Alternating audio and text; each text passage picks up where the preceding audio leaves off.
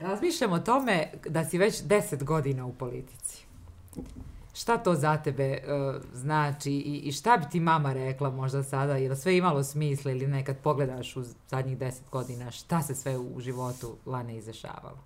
Pa tako je, već neki 10-11 godina, ja sam da kažemo, prvo postala član foruma mladih, pa onda kasnije i stranke, i evo danas 28 godina, mogu reći da sam 10 godina član stranke, 11 godina član foruma mladi, da sam ovo planirala sve u životu, zaista e, nisam. I nekako se to, nekako se stvari posložile i od sebe, e, dobila sam određenu priliku u životu i kada sam već odlučila da prihvatim tu priliku, onda sam rekla ajde da pokušam dati sve od sebe, ovaj, da idem do kraja uh, u tome i da se izvagam i u tom sve. Mama bi najsretnija bila, mislim da se prestanem baviti ovim poslom s obzirom da, da jel, ima i pozitivnih i negativnih strana. Evo što se tiče, da kažemo, mene, eh, jako puno jeli, vremena oduzima i s jako puno ljudi se susrećete i s nekim ljudima i koje malo više volite i koje malo manje volite.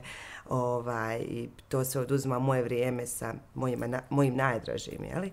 Ova, ali isto tako ima neki divnih e, stvari i zaista kroz ovaj posao sam stekla, pa mogu reći, ne samo prijatelje, već i neku novu porodicu s kojima sam dosta i prošla i kroz njihove živote i oni e, kroz moj život upoznala genijalne ljude, sašala genijalne e, ljudske priče, zaista naučila i omudrila e, kroz ovaj prethodni period, a nadam se da što tako biti i u budućnosti.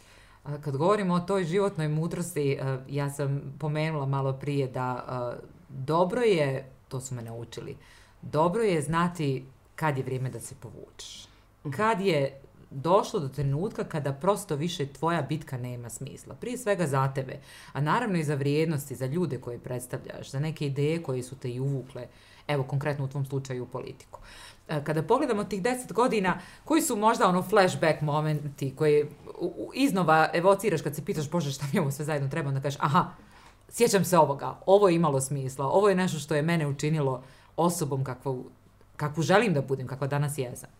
Pa, dosta je toga zaista bilo u prethodni e, deset godina i sve ono što sam radila i kako sam postupala se zaista ne kajem niti zbog jedne stvari koju sam uradila ili e, rekla. Možda sam se nenamjerno, da kažem, ugriješila e, o neke ljude, ali pokušala sam jel, da to nekako ispravim. Ja nisam tip e, koji se može posvađati s nekim ili imati nesporazum s nekim i onda otići e, spavat mirno. Jednostavno nisam, e, nisam ta vrsta karaktera jer mene to najviše onda izjede. E, iznutra e, pokušavam nekako da budem e, fair, E sad, jel to najbolje drugi mogu da, e, da vide kroz posao sa mnom, e, kada, kada jako blisko sarađujem jel, e, sa svojim kolegama i kolekcama, jako sam stroga što se tiče posla, kod mene sve ime, prezne, obaveze, datum, to je neka, sve mora biti po PS-u. I ovaj, onda smo zvali vještica i gdje se parkirala metlu i tako dalje. Mislim, nisu mi to samo muškarci govorili, to su mi ženske kolekcije govorile, jer sam vrlo stroga bila u tome i uvijek se znalo šta je družba E, šta je služba. Jako je nezgodno raditi u tom smislu jer e, s ljudima koji, s kojima radite ozbiljan posao, u isto vrijeme ste jako dobri prijatelji jer jako puno vremena provodite zajedno. I onda morate da, da odvojite to kada vam neko kaže neku kritiku, da ne uzmete to baš toliko srcu, već da kažete ok, to je kritika na moj posao, ja ću to ispraviti, da ne mislite da je to odmah neki lični sukob. A nekoliko puta si pomenula a, politika, pričamo o političkom tvom radu i djelovanju i rekla si posao. A, negdje u nekom ovaj a, nekoj idealističkoj teoriji trebalo bi da je to neki poziv. A, I sad me interesuju tvoji motivi. Mislim, otkud u politici i vjeruješ li da je to najjednostavniji put da se naprave male i velike promjene? Pa mislim da svak svojim nekim djelovanjem može da napravi uh, promjene. Ne morate konkretno biti uh, u politici. Uh, vi kroz medije možete napraviti uh, promjene. Kroz lansiranje raznih priča, pa tamo ne dotakne to jednu osobu, radili ste uh, neku promjenu. Ne da zvuči kao floskula, ali vi promjenu možete uraditi u svojoj porodici, u svom haustoru, uh, u svom društvu. I kao što sam rekla, kroz svoj posao zaista sam upoznala jako puno ljudi kroz koji kroz razne organizacije, udruženja, e, svoje primjere doprinose na neki način društvu. Jedan dobar analitički tekst je super doprinos društvu i može da promijeni nešto. ono što sam, kao što sam rekla, znači učala sam se 17 godina u foru mladi, sa 18 godina u partiju i onda sam sa 21 postala najmlađa podpredsjednica. Kako se to desilo? Jer mi smo svi pratili to i nešto nam je to bilo jako kao simpatično, neka mostarka, vrlo onako ovaj, energična, pomalo na momente. I a kako bih sad rekla, pošto mladost donosi tu neku vrstu lakoće ili pršavosti, ali nema tu neke političke težine. Vjerujem da su i oni politički protivnici bili uh, negdje uzbuđeni, oduševljeni da se neko novo mlado lice pojavi, ali je pitanje je li gdje tu stvarna politička moć, šta se od nje može očekivati. Sad, otkud uopšte ti u, u opciji za podpredsjednicu i kad si čula prvi put da se o tome, da te neko želi, kako već to ide delegirati, nominovat, šta si pomislila? Pa ja sam ovaj, e, to je bila scena, ja sam sjedila u Sarajevu, e, pripremala ispite, pošto sam u tom momentu bila četvrta godina e, fakulteta i nazvao me moj kolega i rekao, e Lana, samo da znaš, zvaći predsjednik Nermin. I ja sam ono, aha, aha, dobro, ispustila sam, što, što će mene predsjednik zvati, jer ja sam u tom momentu samo bila članca, u stvari tek sam izabrana za člancu glavnog odbora, nije ni prva sjednica glavnog odbora bila. Ja sam još uvijek tu bila neko koji je bio forumovac, koji je, bili, koji je bio eto, na kandidatskoj listi, ali nisam prošla 2014. I, ova, I nakon pola sata me nazvao Nermin, rekao je kao Lana, ja vole da porazgovaram s tobom, da li možeš sutra da dođeš do mene do kabineta. I ovaj, ja sam rekao, kažem, pa hajde, hoćeš doći oko, 10, oko 12, pa rekao, ne mogu, ja tad imam fakultet. što je bilo onako vrlo naivno. Možda bi neko sve otkazao da, da, da, da dođe, ali jednostavno ja sam tako odgajanja da obrazovanje zaista e, nosi najveću e, težinu i vrijednost e, u poradci. Mama često kaže sve vam mogu uzeti osim znanja i njoj je najbitnije bilo da ja tu idem sa fakultetom. To sve dodatno što ja radim ti moji hobi, moje ljubavi, strasti prema bilo čemu, to treba biti sa strane, treba biti fokus. Obrazovanje, ja sam došla kod njega u kabinet, on je meni rekao jeli, da skuplja neki svoj tim, uh, predsjedništva i užeg rukovodstva partije i predložio mi da budem podpredsjednica partije. I ovaj, ja sam onako ostala vrlo šokirana jer nisam očekivala to, nije bilo nikakve priče o tome. Niti sam ja da kažem imala bilo kakvu ambiciju u svemu tome. Ja sam se čula sa svojim najbližima i ona su rekla, slušaj, ako, ako, ako želiš da to radiš, uzmi tu priliku, ali onda iskoristi do kraja. I budi svjesna ako već ulaziš u to, da ideš do kraja. Najbližim na porodicu, misliš? Na porodicu, na... na porodicu, na porodicu. Naravno, sa svojom mamom sam sve to. Ona je rekla, eto, kao ja ti ne mogu reći ni hajde, ni nemoj ali to je tvoja odluka i snosi posljedice i odgovornost tvoje, svoje odluke. Što je onako vrlo šokantno za nekoga u tom momentu ima 21 godinu, četvrta godina sam fakulteta i, ovaj, i onda sam poslije toga odšla, e, poslije tog sastanka sam odšla na kafu sa svojom dvojicom drugova, e, sa kojima sam bila na fakultetu i jedan je iz, iz djetinjstva, moj drugi, oni su bili onako, mi smo toliko ponosni na tebe, bravo. Ja uopšte nisam toga shvatala u početku. Nas su tu došli izazovi e, kamere, medija, političkih izjava. Ali nisi bježala, nastupa. to sam htjela da kažem, ti nisi bježala od medija. Nekako si se od starta, imam osjećaj, bacila u tu rijeku, pa gdje god te nosi i očigledno deset godina poslije ili već koliko od, od tog samog trenutka, dobro plivaš. Ba nisam mogla drugačije da naučim. Znate, mislim, svi mi prođemo kroz neke seminare, edukacije, kako trebamo sjeti, kako trebamo pričati, kako se trebamo ponašati, kakvu izjavu da damo i tako dalje. Ali ako ne uđemo u vatru direktno, mi nećemo, u stvari dok nas neko ne, boci, ne baci da kažemo u vatru, mi se nećemo znati iskobeljati, da kažemo iz svega toga i znači naučiti na našim greškama. Uh, ja se sjećam da smo krenuli na jedan skup, uh, ja mislim da je bio u Goraždu skup i bila sam sa dvojicom kolega iz stranke i, ovaj, i tamo idemo i sad ja kontam, on će samo pričati, jeli, ima taj javni nastup, kažemo i meni kolega kaže, jesi li spremna? Mi smo došli već, jeli, kaže, nisam spremna. Kao, zašto? Kažu meni, pa kao ti sad govoriš. Znači, Marina, men, ja, ja se ne sjećam nikako tog govora i tog skupa od toliko straha i trema, ali jednostavno su me oni uvijek gurali e, u vatru i sigurno da kažemo svoj uspjeh ne garantuje, e, ni, za svoj uspjeh nisam zaslužna samo ja. I ne mislim da, da, da jesam, već je to i tim ljudi, i to kažu uvijek je dao žene. šansu. I to tako kažu da. uvijek žene. Znaš, mm -hmm. imali smo ovdje razgovor sa uh, Sanilom Pašić, koja je osnivačica ženske i mentorske mreže i prva predsjednica uprave banke u BiH i tako dalje, i govorila o najčešćim karijernim greškama žene. I kaže, žena nikad ne posjeduje svoj uspjeh. Uvijek kaže, to je timski rad, malo je sreće, mi smo zaslužni, što je, naravno, ljudski i okej, okay, jer zvuči vrlo uh, hvalospjevno govoriti ja, ja, ja, i čak je arogantno i, i rekla bih, ovaj, nekulturno. Ali sa druge strane, uh, interesuje me ko je prepoznao u tebi taj potencijal. Jer uh, Nermin Nikšić, predsjednik stranke, je možda tebe ranije primijetio nije, ali vjerovatno je sugerisano sa više strana da si ti ta. Tako je. U stvari, taj prvi poziv koji sam dobila da će me zvat uh, predsjednik Nermin Nikšić bio od mog uh, kolege i druga Anara Žuljevića, uh, koji, koji je zaista sa Zoranom Perčem u Mostaru, kada sam ja ušla kao neko od 17 godina, um, zaista mogu da kažem da su oni ne samo moji politički mentori, već i životni mentori. Oni su mene naučili da kada imamo neki problem, da sjednemo i da raspravimo taj problem. Pa tamo da se nećemo složiti oko tog problema, ali da jednostavno ne bude te zle krvi, jer toga jako često uh, u politici ima i dan danas ih zaista smatram i kad kažem da sam um, da se vraćam često u Mostar, ja sam Mostarka na kraju krajeva, uvijek su mi ni dvojica ti koji mogu, koje mogu zovniti i za savjet, i za sugestiju i tako dalje. Znači nekako su me gledali kao svoje dijete i pokušavali e, zaštititi, da kažemo, ovaj, a isto tako i gurat e, u vatru. I onda je tu bio tim, jeli, te, te mlade garniture koja je došla u samo rukovodstvo e, i partije i centralu partije gdje smo zaista e, radili zajedno. Kad kažem tim, ja ne mogu, e, ne mislim da je sebično reći da sam ja možda e, zaslužna za to, ali sigurno su mi e, sigurna sam i da se to iskreno kaže, da je to tim ljudi bio. Jer su oni mene zaista driblali i nisu bili ni malo fini u smislu da su mi išli izlaku. Bili su jako iskreni. Govorili šta valja, šta ne valja. Gledali moje javne nastupe. Ovdje nisi ovo dobro.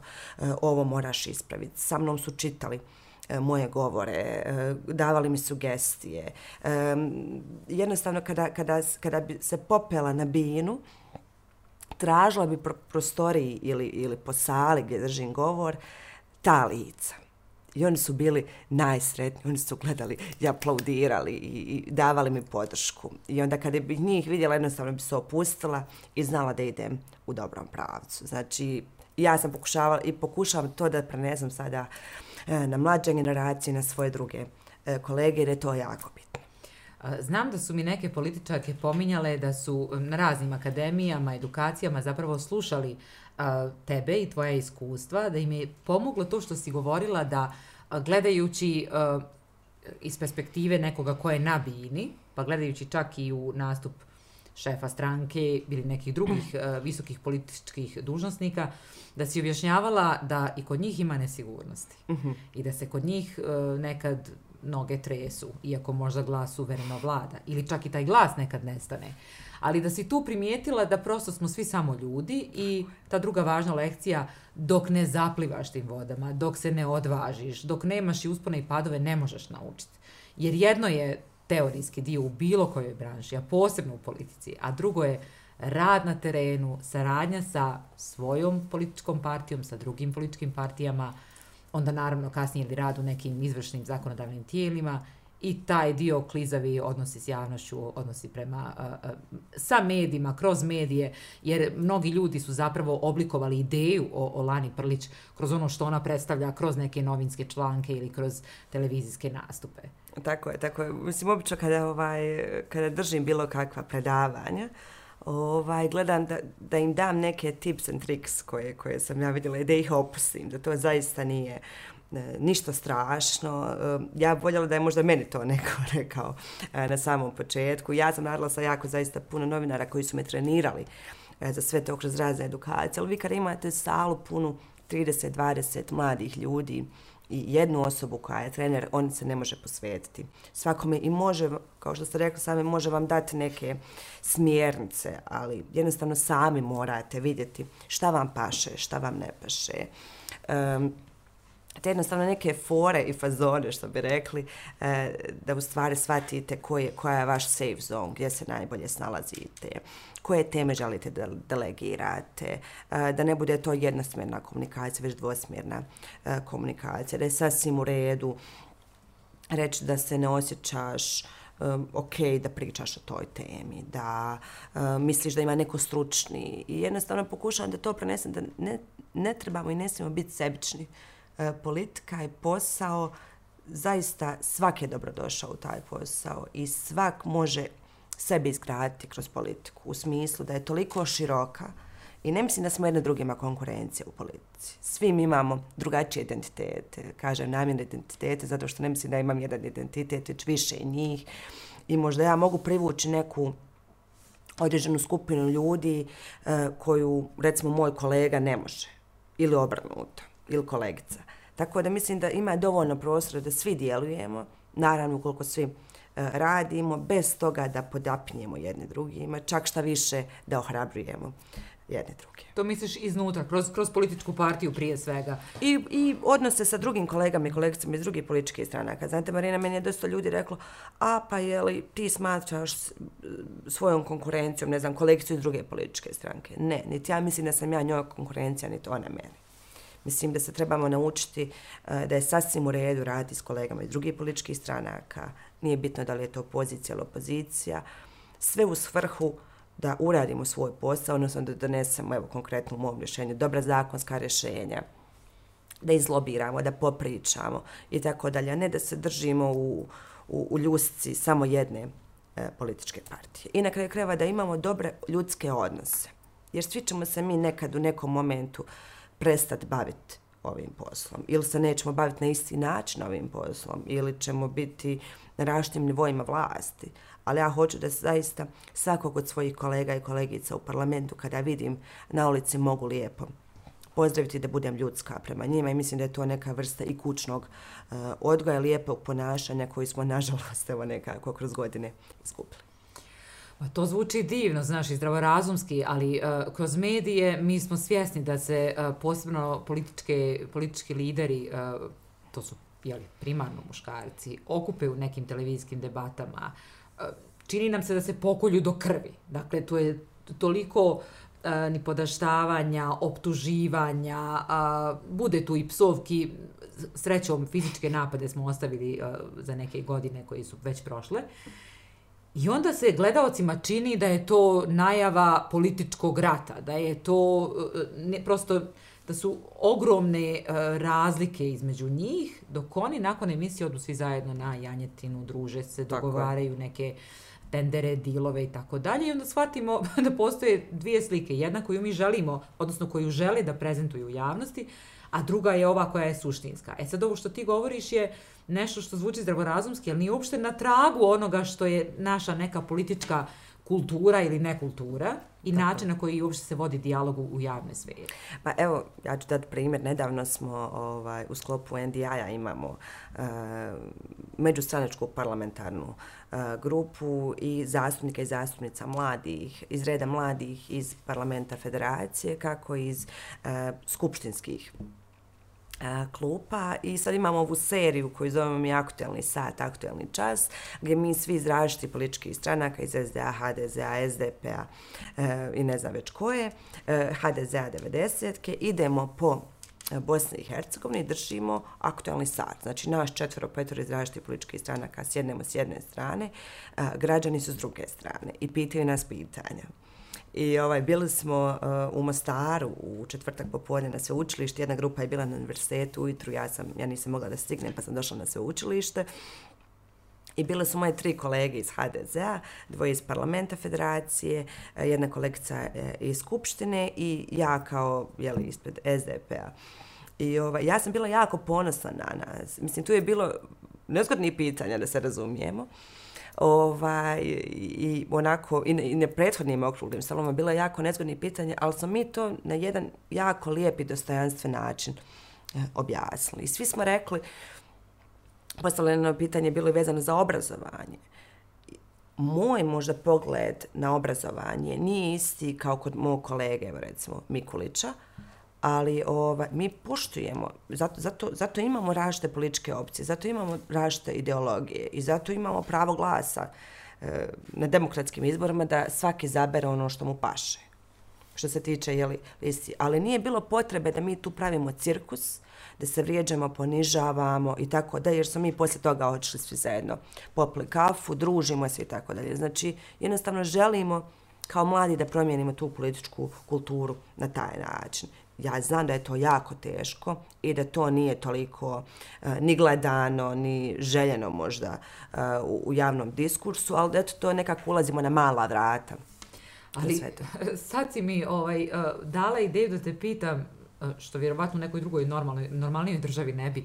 Kako ljudi u Mostaru uopšte gledaju kad neka Lana je jednako SDP, jer vjerovatno te ljudi personifikuju kroz političku partiju, uh, sjedi na kafi sa nekim ko je, evo ne znam, Mikulić HDZ u, u mom Tesliću je to skoro nedopustivo, jer to izgleda kao politička prodaja. Postoje dva tabora koja se ne druže, koja ne izlaze u, istu, u iste restorane, u iste kafane, koji ne dijeli kumstva, koji uh, čak porodice se razdvoje, jer za Boga je neka ideologija ovaj ispred njih ili neki interesi koji su toliko smiješni mali, ali koji zaista ih razvoje. Evo, recimo konkretno, kolega Mikluć, ja se znamo od 2013. godine kroz političku školu Vijeća Europe i u toj generaciji je bilo zaista drugih isto političara i političarki iz drugih političkih stranaka i zaista ja imam tu naviku kada prolazim kroz neki grad ili uh, kada sam negdje da se javim svojim kolegama i kolegicama iz drugih političkih stranaka. I to isto moje kolege rade iz SDP-a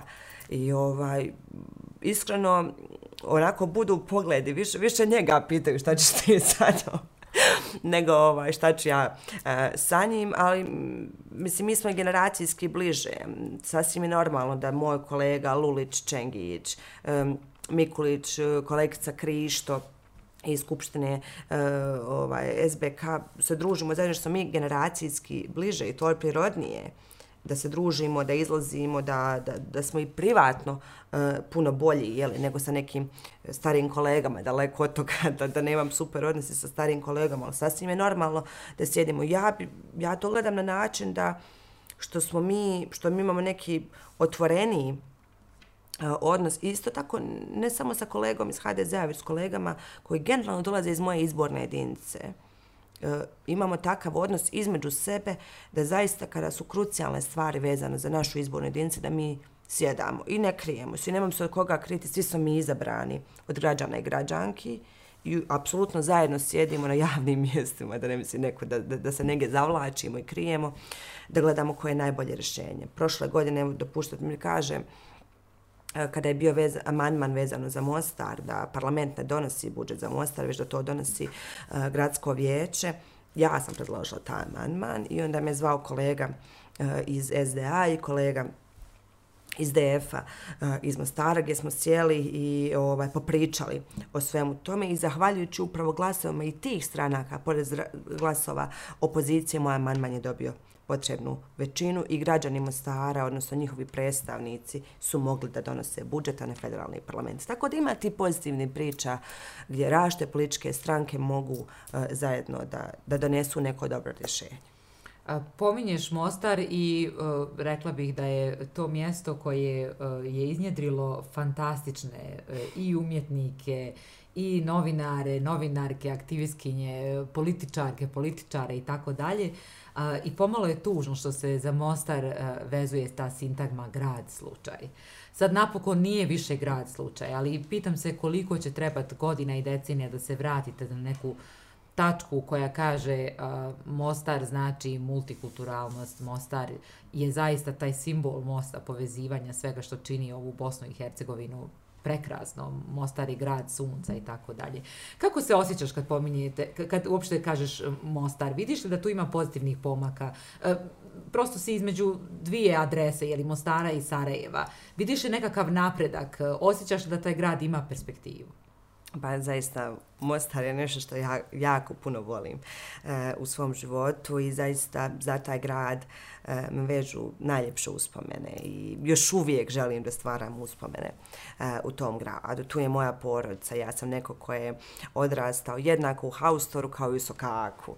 E, i, ja ne, ne gledam Mostar samo kroz, kroz stvari koje ja doživljavam u njemu, već i kroz neke lijepe uspomene koje mi prenose kako e, moj kući, jeli, tako i ljudi e, koji, koji imaju potrebu da me zaustave na ulici, da mi ispričaju neke uh, lijepe stvari, neke mostarske e, liskaluke. E, e, imamo toliko e, divnih priča mladih ljudi koji su ostali, odlučili ostati u Mostaru i napraviti neki svoj posao, naslijediti zanat.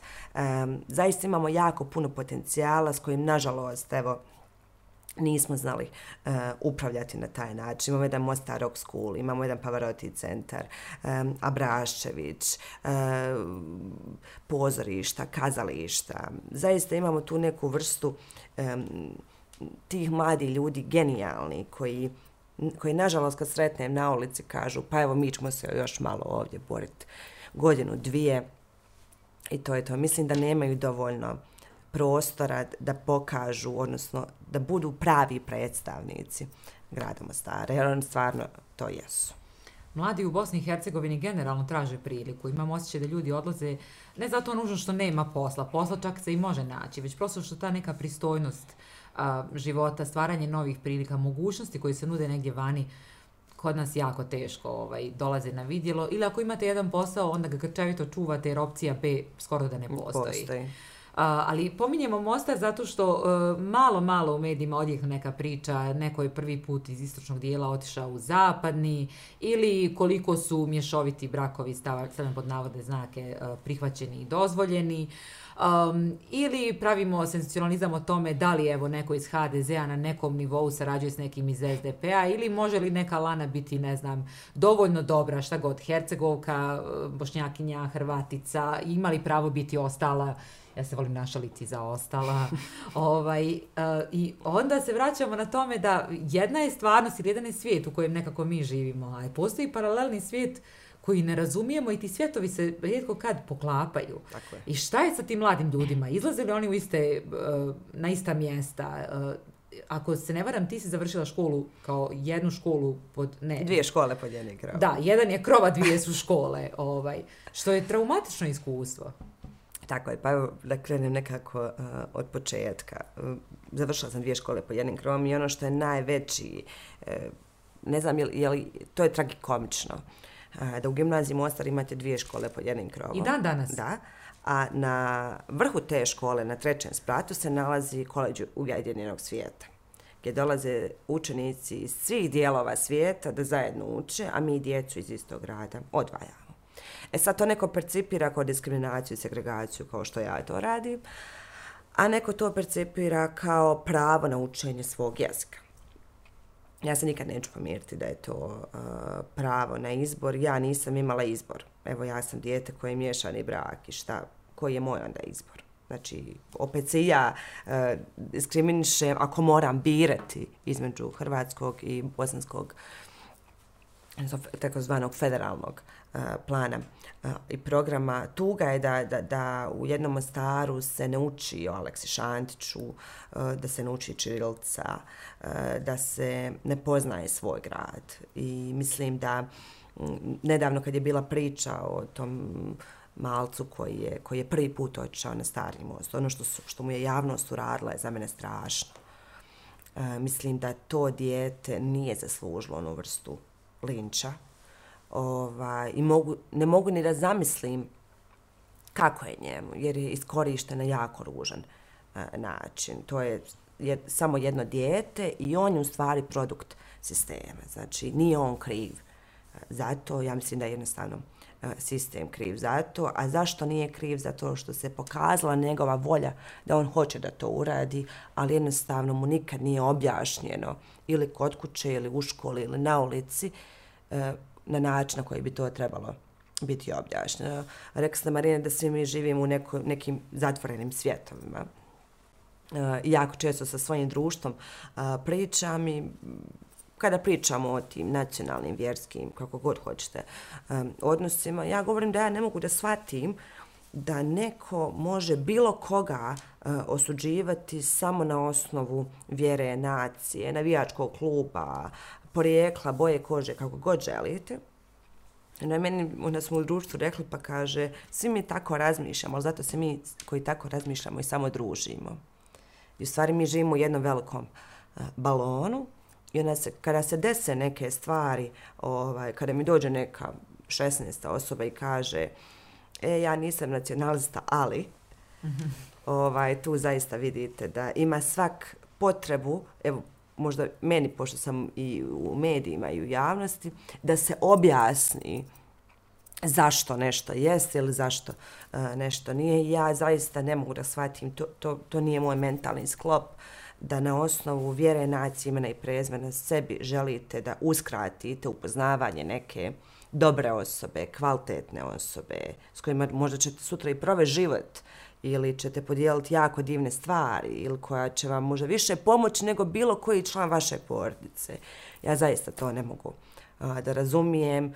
E, možda sam, meni nekad kažu, previše si optimistična, e, previše si radikalna u to, toj vrsti razmišljanja, ali zaista ja nisam to promatrala na taj način, uključujući seksualnu orientaciju i, i bilo koji drugi, da kažemo, identitet koji nosiš. Nedavno je medijima cirkulisala vijest o, o muralu a, posvećenom Ratku Mladiću a, u Beogradu i onda jeli sa jedne strane aktivisti, sa druge strane oni koji brane lik i dijelo i uopšte čuvaju taj mural, naravno negdje podržano od, od strane uh, policije, odnosno Sistem, sistema.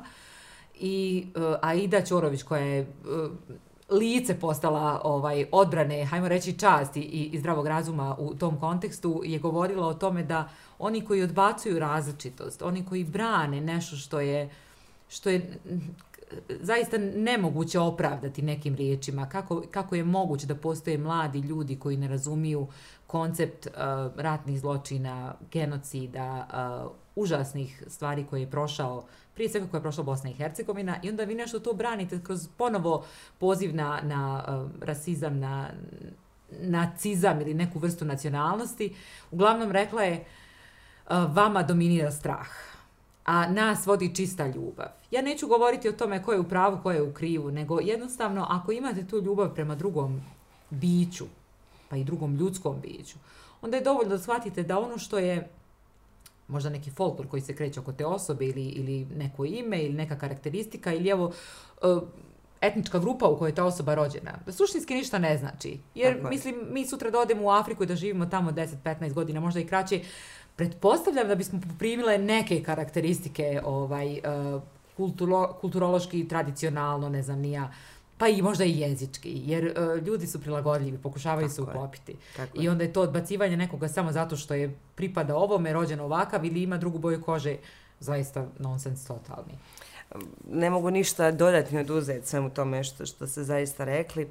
Ja ne mogu da shvatim uopšte da neko može u 2021. godini još uvijek pričati e, o takvim vrstama razlika. Ovaj, kada mi danas svjedočimo, ja mislim, nikad većoj klasnoj e, razlici. Mislim da... Ali se na tome dobijaju izbori. Tako je. A ne na, ne na klasnim razlikama, jer kao i ovi koji su skroz na vrhu i koji su skroz na dnu, se prepoznaju kroz taj etno-nacionalistički diskurs. Tako je, pogotovo, nažalost, niže klase koje, koje su i, nažalost, jako malo obrazovane. Ovaj, i, I generalno naš čitav obrazovni sistem je napravljen tako da se jako može manipulisati e, ljudima, da kažemo. A mi znamo da ja dosta svog života provedemo u obrazovnom sistemu i u jednom momentu života više, više vremena provodimo u obrazovnim institucijama nego kod kuće, to je prva sa druga stvar. Mislim da su danas roditelji malo pomiješali babe i žaba. Ja nisam roditelj, pa evo, možda, možda ću sad naići na neke e, i, i, i, i razne komentare u tom smislu, ali ne može obrazovna institucija preuzeti ulogu kućnog odgoja. I mi smo zaboravili malo na taj kućni odgoj, na to lijepo ponašanje, na taj bonton. E, u svakodnevnom životu to možemo vidjeti da se e, pričuva vrata, e, E, pričuvaju vrata e, starijem, da pitamo pomoć ako treba, e, da im se ustupi mjesto u javnom saobraćaju. Svi smo nekako postali mislim da je i pandemija tome pridonijela, da smo postali onako vrlo individualni. Mi i telefon. Telefon i ja. I apsolutno ne gledamo uopšte šta se dešava oko nas, već samo gledamo u taj uređaj. I ja isto tako, ovaj, mene uvijek kruže za porodični ručak. Ostavi taj telefon mm. više, ostavi ga u drugoj sobi, daj da, da ručamo, da se popričamo i tako dalje. I to stvarno jeste.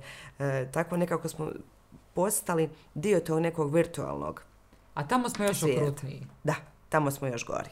E, pominjali smo ovaj ovu fotografiju gdje si pokazala jeli, vakcinaciju koju upravo tada prolaziš i gdje si to podijelila pozivajući ljude da a, se vakcinišu. I sad ne želim ovdje glumiti kakvog epidemiologa, infektologa, virusologa, šta god. A, ali je vakcinacija ili neka tekovina naučna koja je do sada prosto nikad se nismo propitivali naše generacije su sve vakcinisane. Moja mama vjerovatno je tada poštovala tadašnji protokol koji se pretpostavljam danas razlikuje, koji ja također kao mama poštujem, ne propitujući koja je proizvođač, koja je vrsta vakcine, jer šta ja imam od toga? Mislim, moram Tako. puno toga da znam da bi razumjela. Tako. I ne govorimo o, o mogućnosti izbora, ne mislim sad da je ovaj loše da ljudi imaju pravo da biraju, nego uh, salva negativnih komentara, uvreda, uh, uopšte doseg do kojeg si ti dospjela sa tom objavom je nevjerovatan. Da si bilo što drugo napisala, pitanje koliko bi uspjela da... Više od milijoni tristo hiljada ljudi je, jeli... Uh, vidjelo taj post. Vidjelo taj post. Što, što je sjajna stvar, ja ne znam za kampanju postoji li neki trik, ali ako, ako se vakcinacije bude vrtilo, onda ćeš ovaj, uspjeti da Zazalo smo neke, kaže, hajde gledajte treću dozu vakcine negdje u kampanji. e. Mislim, šale su to bile. E, to je bilo, generalno ja na svom Facebook uh, profilu, odnosno Facebook page-u, sam do sad uh, uvijek brisala negativne komentare, psovke, uvrede i tako dalje. I to je prvi put da sam odlučila da sve pustim ovaj, zajedno sa svojim kolegama i kolegicama sam se posavjetila što, ali mislim to nije bilo moguće da, da, da, da, da, da, ni da se pročita, ni da se filtrira, ni da se selektuje, ni ništa. Ja sam objavila tu fotografiju, to je bio, mislim, ponedeljak. Negdje oko podne, kad sam se, ujutro sam se vakcinisala, oko podne sam objavila fotografiju i nisam uopšte više ulazila na, na, na page. I oko 5-6 me zove kolega i govori kao, jesi li ti vidjela šta se dešava? Rekao, šta se dešava? Kaže, Lana, bukvalno kada se otvore komentari, vi ne možete je pročitati jer novi izlaze. I tu je krenula salva uvreda, prijetni, seksistički komentara. Mislim, najlakše možete uvrijediti e, ženu. Onda se desilo... A, a šta su govorili? U čemu je bio problem? To što si se vakcinisala, to što si pozvala na vakcinaciju ili nešto treće? Znači, bukvalno što sam ja napisala na tom postu je da sam danas e, uh, se revakcinisala drugom dozom AstraZeneca vakcine i da pozivam građane i građanke Bosne i Hercegovine da, uh, se, da pristupe vakcinaciji s obzirom da je obezbijeđen dovoljan broj vakcina sada. I tu je okrenulo, eto ti ćeš mi reći da ću se ja vakcinisat, da sam plaćenik strani farmaceutskih firmi, onda je tu bilo razno razni seksistički uh, komentare, da sad možete prepostaviti uh, kakvi sve. Uh, onda je do, došlo do toga da su moje kolege krenule da me brane u tim komentarima, a Facebook uh, reaguje na način da što se više komentariše, već je rič tog posta. I onda smo se mi, ja sam ujutru bila sa nekim kolegama u Čapljeni vezano za jednu e, međustranačku grupu i onda ja sam ustala ujutru i vidjela da je 800.000 već rič. Sad smo se mi zezali po nekim grupama, a rekao, ako, rekao, kaže meni drug, Lana, ako dosegneš milion, moraš gasiti. Facebook pobjedila se definitivno na Facebooku. I sad zovu mene drugi, kaže, pa koliko se ti platila ovaj oglas? Pa rekao, nisam ništa platila, čovječe, šta vam je? I, ovaj, I na kraju dana u stvari su ti antivakseri, vakseri ili ko, vakseri ili ko već, su zaista meni učinili jednu veliku uslugu, jer su mi pomogli svojim komentarima da moj poziv za vakcinaciju vidi milioni tristo e, ljudi, tako da mogu se pohvaliti da sam odradila neku vrstu eh, kampanje za vakcinaciju. Ja još uvijek nemam razumnog rješenja zašto se to desilo upravo meni, jer ja nisam prva eh, i kolega Čengić i kolegica Čudić, znači svi su to objavljivali na društvenim mrežama. Ovaj, I onda sam dobila objašnjenje da je to vrlo vjerovatno završilo nekim antivakserskim e, grupama na Facebooku gdje su se svi onda nakačili da komentaršu. I ono što moram da kažem, e, je da dosta mojih kolega iz drugih političkih stranaka, pa iz pozicije i da kažemo suprotnih tabora, kako, kako se to u javnosti kaže, e, su me zvali i, i dali mi podršku, kako privatno, tako i javno. Tako da ovaj, isplati se taj ljudski odnos imati. Isplati se imati ljudski odnos, ali je zanimljivo da su brojne žene mi uh, komentarisale da kada krene javni linč kroz društvene mreže, da tad zapravo žena shvati koliko je usamljena i koliko malo ima referentnih tačaka na koje se može uhvatiti, koliko malo ima pravih i individua, ali organizacija koje stanu u odbranu. U odbranu i koji će suštinski dati podršku, ali ne nužno ko zove bravo Lana, već da možda i neke slučajeve procesuiraš. Nekad taj napad kroz online mreže bude toliko brutalan da može da zaista uništi jednu porodicu, jednu karijeru, da oskrnavi sve ono što jesu vrijednosti i što predstavlja jedno biće i mi nemamo dobre zakone za to. Ne. Prva ja ne znam kome bi se obratila, jer e, nisam sigura koliko bi obucman ili neka druga institucija tu mogu pomoći. Tako je, apsolutno se slažem sa tim ženama. Ja mislim da smo mi malo žene, ovo možda neće biti popularno da kažem, ali smo malo i licemjerne u politici. A, zato što ne brane se sve žene u politici i to ako uzmete da analizirate, to će zaista a, biti tako. Ono što je vrlo interesantno i što se spomenuli vezano za zakonska a, rješenje, interesantno je da deset dana prije nego što se desi ovaj javni linč vezana za vakcinaciju u mom slučaju, moj kolega Čengić je uputio u proceduru inicijativu da se internet proglasi javnim mjestom.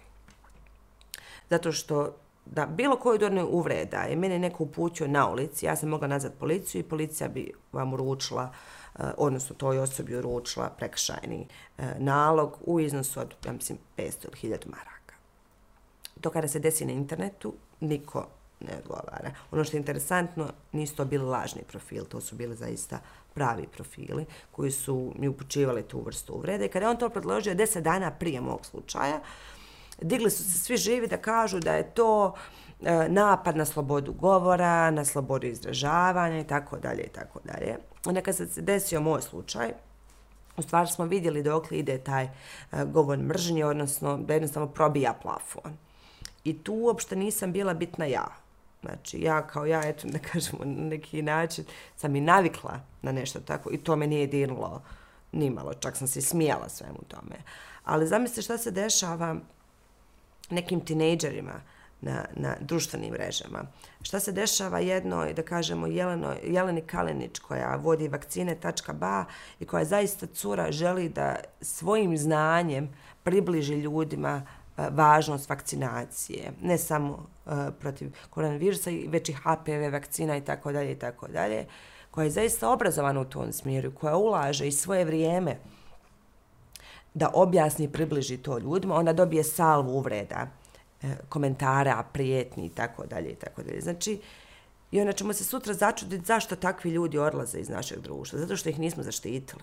A htjeli su da urade nešto dobro i da doprinesu uh, i našem društvu i na kraju krajeva zdravlju i tako dalje. Obično se mjesec novembar obilježava uh, kao 16 dana aktivizma je globalna mm -hmm. kampanja koja govori o borbi protiv rodno zasnovanog nasilja. I u toj sferi ima jeli, podvrsta nasilja, nažalost, previše. Ali taj cyberbullying je nešto o čemu mi, rekla bih da pričamo, ali nisam sigurna koliko ga pravilno prepoznajemo i uopšte koga ga, kome uh, traži, od koga tražiti podršku. U novinarskom svijetu su novinarke diskreditovane zato što su uh, napisale ovo, nisu rekle ovo, postavile su ovo pitanje zato što mhm. su žene od nekoga ili nisu žene od nekoga. Moja prva gošća je uh, moja kolegica koja je bila diskreditovana od strane stranačkih botova zato što je žena nekog političara. Dakle, on nije novinarski rad je apsolutno nevažan, treba Tako. da se uništi žena. Kad sam mi pitala zašto, zato što je prepoznata kao laka meta. Mm -hmm. Za razliku od njenog partnera koji je eto muškarac, pa još je političar, pa vjerovatno to nije bilo toliko zabavno. I, I to je tužno, što mi o tom uh, nasilju kroz društvene mreže, uh, rekla bih da prepoznajemo, da znamo, ali postoji, pretpostavljam, cijela armija a, botova, kako se Tako to, je. ovaj, a, koji ljudi su plaćeni, vrlo dobro instruisani, čak znaju kako algoritmi funkcionišu. Tako. Kad šta podiže rič, kome se gdje šta treba podijeliti i onda se dešava ta jedna igranka koju niti znate kako kanalisati, niti šta raditi s tim i realno je to reputacijski rizik. Mhm. Dakle, može da se uništi zaista jedno ime na osnovu e, rekla, kazala nekih pretpostavki ili prosto vađenja dijela izjave, Tako je. dijela inicijative gdje se ne vidi šira slika. I zato mi je važno da postoje neke ženske mreže koje će biti mnogo jače u toj podršci ženskim glasovima. Nebitno da li se mi u stavovima slažemo ili ne, ali ako govorimo o javnom prostoru i davanje pravu, prava svakome da ima svoje mišljenje, da javno kaže, to je sve u redu dok to pravo ne uništava moje pravo. Jer kao što na ulici niko neće doći reći Lana, ne znam nija kakvu uvredu, nadamo se da neće. Nije dosad. Da, u, u ovom nekom ovaj, virtualnom svijetu se svašta dešava. Da dobije se ta neka vrsta hrabrosti, zato Ma, što, nema, zato što nemaju, zato što nema sankcija. Ja se sjećam jedne godine, to mi je genijalno bilo i to svugdje pričam, upravo na fonu e, cyberbullinga ili, ili komentarsanja govora mržnje. U stvari, na kraju krajeva, evo sada je počela i velika kampanja u Europskom parlamentu protiv govora mržnje. I s obzirom da se desilo sve ovo, sad malo skačem s teme na malo uglavnom držim se toga, ovaj, kako se sve ovo desilo vezano za moj javni linč, eh, Uh, vezan za vakcinaciju, pričala sam s dosta međunarodnih uh, organizacija i kada su me pitali, pa Lana, šta mi možemo da uradimo? Rekao, obrazujte ljude. Šta je govor mržnje, a šta je sloboda govora? Jer mi jednostavno nismo svjesni šta je šta. Znači, ljudi nisu svjesni da njihova sloboda govora prestaje kada se ugrožava bilo čija tuđa bi- jel, sloboda. I, i bi rekla sam da je to prvi, prvi, prvi moment u svemu tome. Kako se to može riješiti? To se može vrlo elegantno uh, riješiti. Evo spomenula sam ovu inicijativu, a želim da spomenem jedan primjer vezano za Vesnu Pusić u Hrvatskoj prije par godina. Uh, ona je objavila neku vrstu statusa, nešto i čovjek joj je dole komentarsao, ma tu je bila salva svakakvih uvreda, prijetnji i tako dalje. I ona mu je nakon pola sata samo odgovorila na taj komentar i rekla, poštovani, a prijavljeni ste organima Njemačke.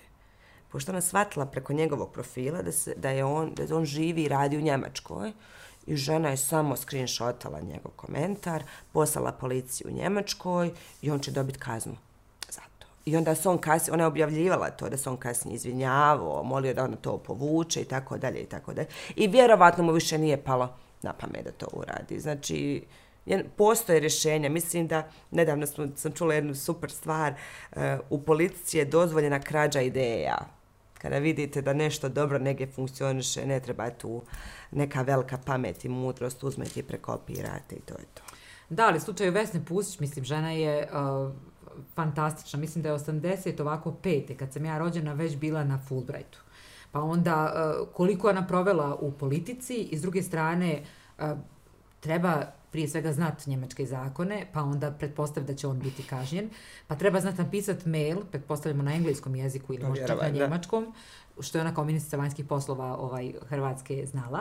Tako da ovaj, zato je važna ova podrška kroz, kroz nekakve mreže organizacije, jer e, možda ja, moja mama, moja kćerka, ne znam kogod, nema te vrste resursa koje je možda Vesna Pusić u tom Tako momentu je. imala, ali apsolutno treba da zna da kroz jedan telefonski poziv ili jednu poruku ili na nekoj web stranici može da nađe sve potrebne ovaj, e, informacije, informacije. vezano za to. I to mi je zaista genijalan primjer kako se nešto vrlo lako uh, Eh, može riješiti. Sutra, ako dođe do toga jeli, da se usvoji i ova inicijativa eh, kolege, rekla sam zaista, znači mi moramo svi raditi na tome. Um, jako često je to u, u- u javnosti percipirano, e sad ćemo mi zaštititi uh, političare od raznoraznih komentara. Ne, to nije tačno. Znači, ne štitite vi političare od kritika ili od sugestija. Vi štitite svaku osobu od uvrijeda od kojih nemamo ništa. Znači, i i jednostavno ti ljudi koji pišu tu je vrste uvreda, ne samo prema političarima, prema javnim osobama, prema medijima, na kraju krajeva prema najugroženijim skupinama u svemu tome, to su žene i mladi, pa onda osobe iz javnog e, života, influenceri i tako dalje. Znači, to je zaista jedan širok e, spektar ljudi koji mogu na jako ružan način da utiču na tu osobu. Mi ovdje, niko ne priča ovdje o mentalnom zdravlju. Koliko to može uticati na nečije mentalno zdravlje. Nekog tinejdžera na TikToku koji je neko sebi uzao za pravo da mu svašta napiše. Znači, jednostavno to nije baš e, nije to baš jednostavno i, i rješivo preko noći. I eto, kao sad se to desilo i nećemo mi više pričati o tome. Uh Ja vjerujem da ljudi vrlo neposredno ulaze u kontakt sa tobom jer imaš tu neku uh, otvorenost, toplinu, pa onda mlada si, jeli, pa nešto govori da ti se može prići. Jesi li otvorena, uh, sad govorili smo o ovim ružnim stranama, ali i ovim nekim pozitivnim stranama, ne nužno da te nahvale, može i to uvijek dobro došlo, ali da nešto sugerišu, jesi li dostupna? Jer malo imamo uh, disparitet među onoga što bi trebalo da je politička moć i neka mhm. vrsta demokratije kao nešto građani delegiraju vama izabranim predstavnicima neke neke, ovaj, neku političku moć da vi upravljate i budžetima i uopšte u kojem pravcu želimo ovo društvo da se razvija. I onda četiri godine nemamo nikakav pristup tim ljudima. Ovaj, ja se pitam, uh, je li moguće doći do Lane ili do nekih drugih ovaj političara? Je li moguće da, da prosto ste otvoreni za neke nove ideje, za neki dijalog i da zapravo od svog i glasačkog tijela, ali potencijalnog glasačkog tijela. Pomenuli smo žene, pomenuli smo mlade. Najčešće oni ne glasaju, pa ćemo govoriti o tome jesu li žene te koje abstiniraju, kako im uopšte prići. Ovaj, dobiješ li važne informacije, dobiješ li neke sugestije, uh mhm. -huh. jer, jer se na, zapravo i na taj način pripremaš za svoje političko djelovanje kroz parlament? Tako je, znači mislim da kogod želi da dođe do mene, da, da sam vrlo a, dostupna. Čak me neke moje kolege zazve, ja, kaže ona, pa idi se svakom javljaš, svakom odgovaraš i tako dalje. Mislim, na kraju krajeva odgovorit ću na mail i reći, oprostite, ne mogu, nemam vremena. Ovaj, nekad zaboravim, ja stvarno nekad zaboravim, um, smetnem i onda se kasnije izvinjavam, da mi bude krivo i tako dalje, ali gledam zaista kogod da me zovne, da mu izađem uh, u susret. I mislim da po, još nekih mojih kolega radi a, na taj način. I mislim da je to ispravan način. Da kažemo, taj način je puno teže nego sjediti četiri godine u parlamentu, jednomjesečno doći a, na sjednicu, podići ruke i završiti svoj politički angažman, da kažemo, a, na taj način. A, mislim da sam vrlo prisutna i u medijima, a, da sam pokušavam zaista Ja jesam mlada osoba koja je u policiji, ali ja ne pokušavam da budem ono što bi rekli u narodu, star mala. Ova, ja izlazim sa svojim društvom, mi družimo se i tako dalje. I onda uvijek imamo e, situaciju, moje društvo se jako neprijatno osjeća kada sjedimo, da neko priđe, jer ima potrebu da mi nešto objasni, kako treba. Mm -hmm. Da svi u moju društvu, ja, Lana, haj, molim te, nemoj više pričati. Ali ako ne mogu čovjeku reći, neću da s tobom pričam o tome, razumiješ? Mislim, u nekom smo izlasku večer ili šta li već. I ovaj, onda oni uvijek kažu, ja, mi kad s tobom sjednem, uvijek neko dođe da ti kaže nešto kako treba. Ali meni to zaista uh, ne smeta. A koje ti teme delegiraju? Smatraju li oni da si ti dovoljno pametna, važna, moćna, da neke suštinski važne teme u parlamentu delegiraš, jer se ponekad čini da se u javnom prostoru za žene vrte ove teme obrazovanja, zdravstva, mm -hmm ne znam, ovo porodiljne naknade, što je apsolutno važno, tako je. ne znam, vrtići, što je također važno, ali da li neko predloži nešto evo, u vezi sa evo, budžetom, infrastrukturom, pitanjima nacionalne odbrane, vojske, mislim, hajde, dobro, kod identitetski nivo, pa ne znam koliko je to važno, ali znači neke muške teme stavit ću pod navodne znake. Evo, ovaj, što se tiče, mislim, obično to, kada, kada izađe vani, to budu sugestije vezano, e, znaš šta, ja sam te gledao, trebala bi ovako, Aha. E, trebao bi skupiti ovako. Mislim, to, to je sve ok, ja sve to saslušam. Jako puno ljudi ima sugestije vezano za Mostar, jer mi se to najviše u Mostaru uh, i dešava. E, Lana, molim te, red svom kolegu, kolegi u vijeću da bi trebalo vidjeti vezano za raspored kontejnjera. Ne znam, sad, to mi je prvo palo na pamet. Znači, jednostavno, ide, to onda samo svom kolegi napiše me i čula sam to i to, hajde pokreni tako i tako. Znači, jednostavno, dolaze ideje sa te strane i na lokale, da kažemo, puno e, konkretnije raditi nego na federalnom nivou, jer zakon se zna usvajati po, po nečiji čitav život skoro. Ovaj, što je tužno. Što je zaista e, tužno, ali isto tako putem Facebooka, putem Instagrama e, dobijem sugestiju za nešto. Evo, prekuće mi pisao kolega eh, da, da mu malo objasnim ovo vezano za zakon o, o dohodku. Jednom sam dobila eh, na Facebooku poruku od eh, čovjeka koji me zamolio da uputim zastupničko uh, pitanje, pa kad sam ja dobila zastupničko pitanje, kad sam dobila odgovor na zastupničko pitanje, da to njemu slikam, pa mu pošaljem odgovor. Ali jednostavno nema toga toliko puno. Jedne godine sam stavila i budžet uh, E, na Facebook i rekla ljudima da bi počeli svoje sugestije na mail. Ja sam dobila samo dvije sugestije. Mislim da ljudi misle da se ja šalim sa njima. Ma kaže, nema šanse da će ona to pročitati. Jednostavno, nemamo još uvijek tu političku kulturu da imate pravo prići nekome i reći mu nešto, naravno na, na lijepi, kulturan uh, način, za molt za pola sata, sastanka, kafe, e, prič na ulici, reći nešto. Znači, jednostavno, to, to treba biti normalno. Ali isto tako i odgovornost je političara šta će reći e, tim ljudima trebalo bi, pretpostavljam da se puno radi na tome da mi shvatamo kao građani i građanke da e, imamo zaista e, indirektnu moć da delegiramo da prije svega ili direktno da izaberemo ovaj uh, koga žel, koga želimo da nas predstavlja da. a onda da im sugerišemo u kojem pravcu smatramo da bi neke odluke pravilnici procedure zakoni trebali ići jer na kraju svi ćemo mi živiti te zakone inicijative uh, mislim da, da, da kada kada dođe neka problematika na, na dnevni red, odnosno kada se, evo, ra, priča o bilo kojem zakonu. Ja nisam stručnjak za sve. I ja ne želim da budem stručnjak za sve. Ali ja želim da izradim mrežu ljudi koji će mi pomoći, kojima je to primarni posao i koji 100% svog vremena provode radeći taj posao, da mi daju sugestije vezane za to. I niko bolje to od njih ne zna, od te, od te struke. Samo što u nas nekad rade te sujete, šta ću ja njega pitati? Ili dobiju informaciju od vrha partije kako treba zapravo da se glasa. Nema pa ima puno... i toga. Ima i toga. Ima i toga. I, ovaj, I onda sve to pokušava se nekako izbalansirati. Ali, Marina, na kraju dana svi mi izlazimo. Ja kažem na konkurs za posao svake četiri godine. I meni je jako žao kada vidim da pojedini zastupnici i zastupnice koji su genijalno radili svoj posao, nema ih više na političkoj sceni.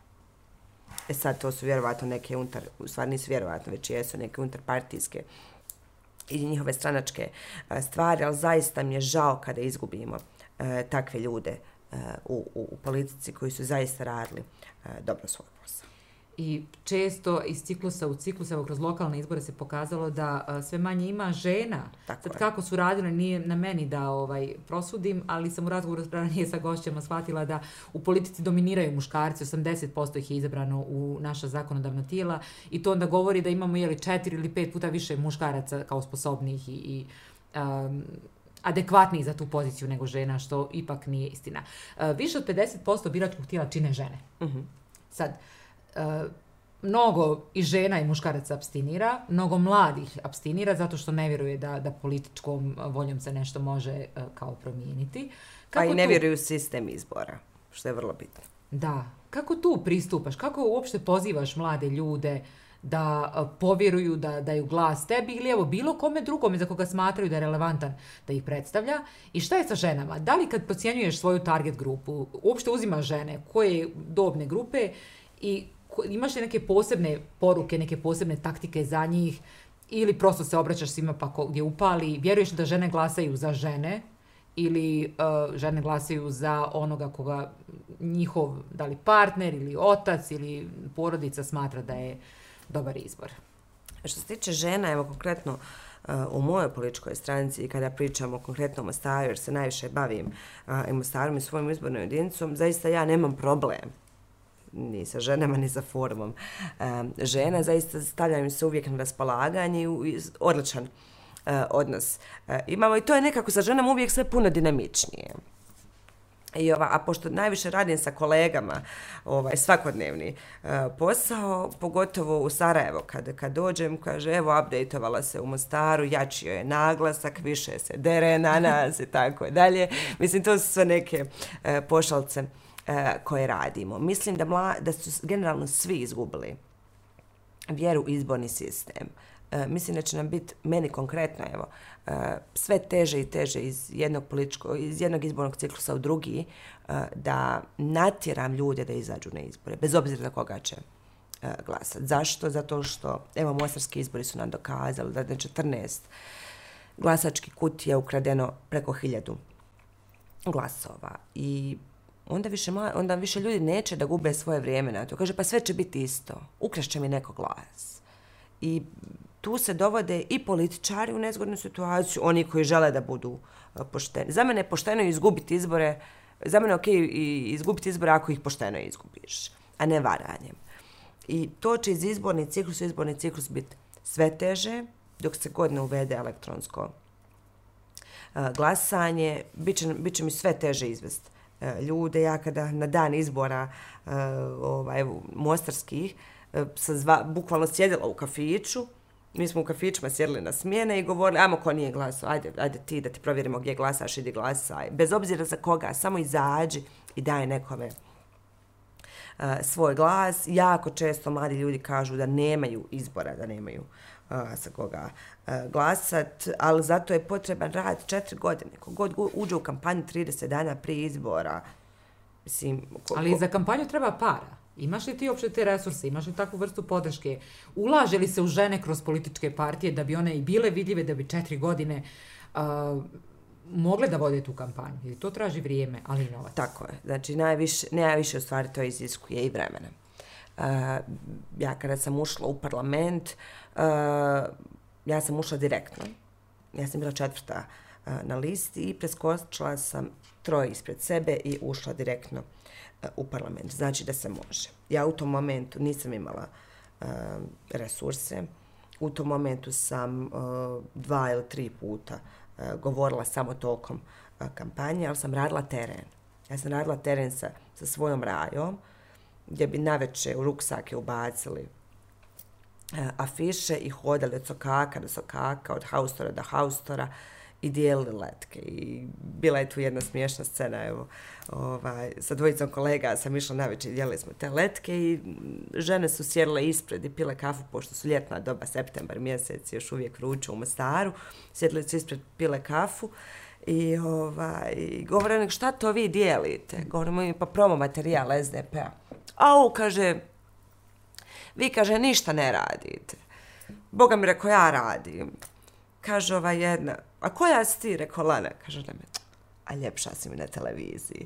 I onda smo mi tu sjeli sa njima, popili kafu, popričali se i tako dalje. Jednostavno, i svi su pričali o tome kako naši kandidati hodaju, a ne samo neki formovci koji dijela letke i lijepe plakate. Jednostavno su ljudi željni da se, da se svi ti političari za koje mi smatramo ne, ne, da su nege gore na Olimpu spuste u svakodnevni e, život. I onda meni dosta ljudi kaže, a pa ti slan uvijek sa rajom, uvijek si na nekim kafama sa stancima, družiš se, izlaziš. Znači ja svoj život nisam sad promijenila drastično, samo sam ga naravno prilagodila e, svojoj poziciji, ali se još uvijek družim s istim ljudima s kojim sam se družila i prije. To su ista moja raja koja su radila, s kojim sam ja zajedno radila prve izbore i radimo ih e, danas zajedno i koji rade to za mene e, eto, zato što nam je dobro, zato što se lijepo prevedemo, zato što se smijemo, što imamo super uspomene iz tog perioda i zato što vjeruju. I to pokušavam da radim i da prenesem na druge generacije. Ja ću za kraj još dva pitanja da ti postavim. Mislim, to pitanje je toliko eksploatisano, pa ćemo samo se vratiti u kontekst ovih, ovog ženskog ovaj, odnosa prema onome što, što ti jesi.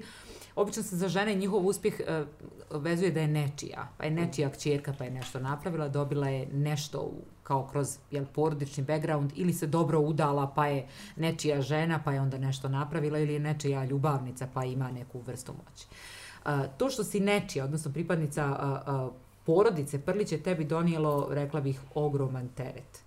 I onda si kroz tu percepciju gledana, uh, ja, ja ne znam da li, da li pozitivno, negativno, da li kao neka uh, neobična uh, pojava na našem prostoru i trebala si se boriti sa tim cijelim pedigreom uh, onoga što se dešavalo kad ti nisi rođena ili si tek rođena i uopšte pitanje šta si ti tu mogla promijeniti. Kako si se s tim izborila? Uh, Uh, jer čujemo to kao žene su u u policiji sljedbenice, one slušaju samo šefa stranke ili je tu postavljena jer je muž neko, jer je partner neko, jer je ne znam čirka nekoga. Ovaj. Šta, je, šta je mislim tvoj, tvoja neka poruka kad niste nečije ili ste, jel, da budete ničije, odnosno svoje? Pa ovako, ta, ta informacija je prije svega izazvala jednu veliku, ogromnu pozornost kako javnosti, tako medija, tako i političkih uh, kolega iz drugih, kolegice iz drugih političkih uh, E, stranaka i da kažem, to nije nešto s čim se sad susrela sa 21 godina kad sam postala potpredsjednica. Ja taj život živim čitav svoj život. Ja sam rekla, ja se nisam spremna odreći nijednog, nijednog dijela svog identiteta, jer sam jer sam pokušavala da se sa, sa svakim dijelom sebe i svog identiteta i izborim i izaberem dobre strane i loše stvari i da dam sebi priliku da ja ispričam tu priču prvo. I tako je bilo i, i sa tim.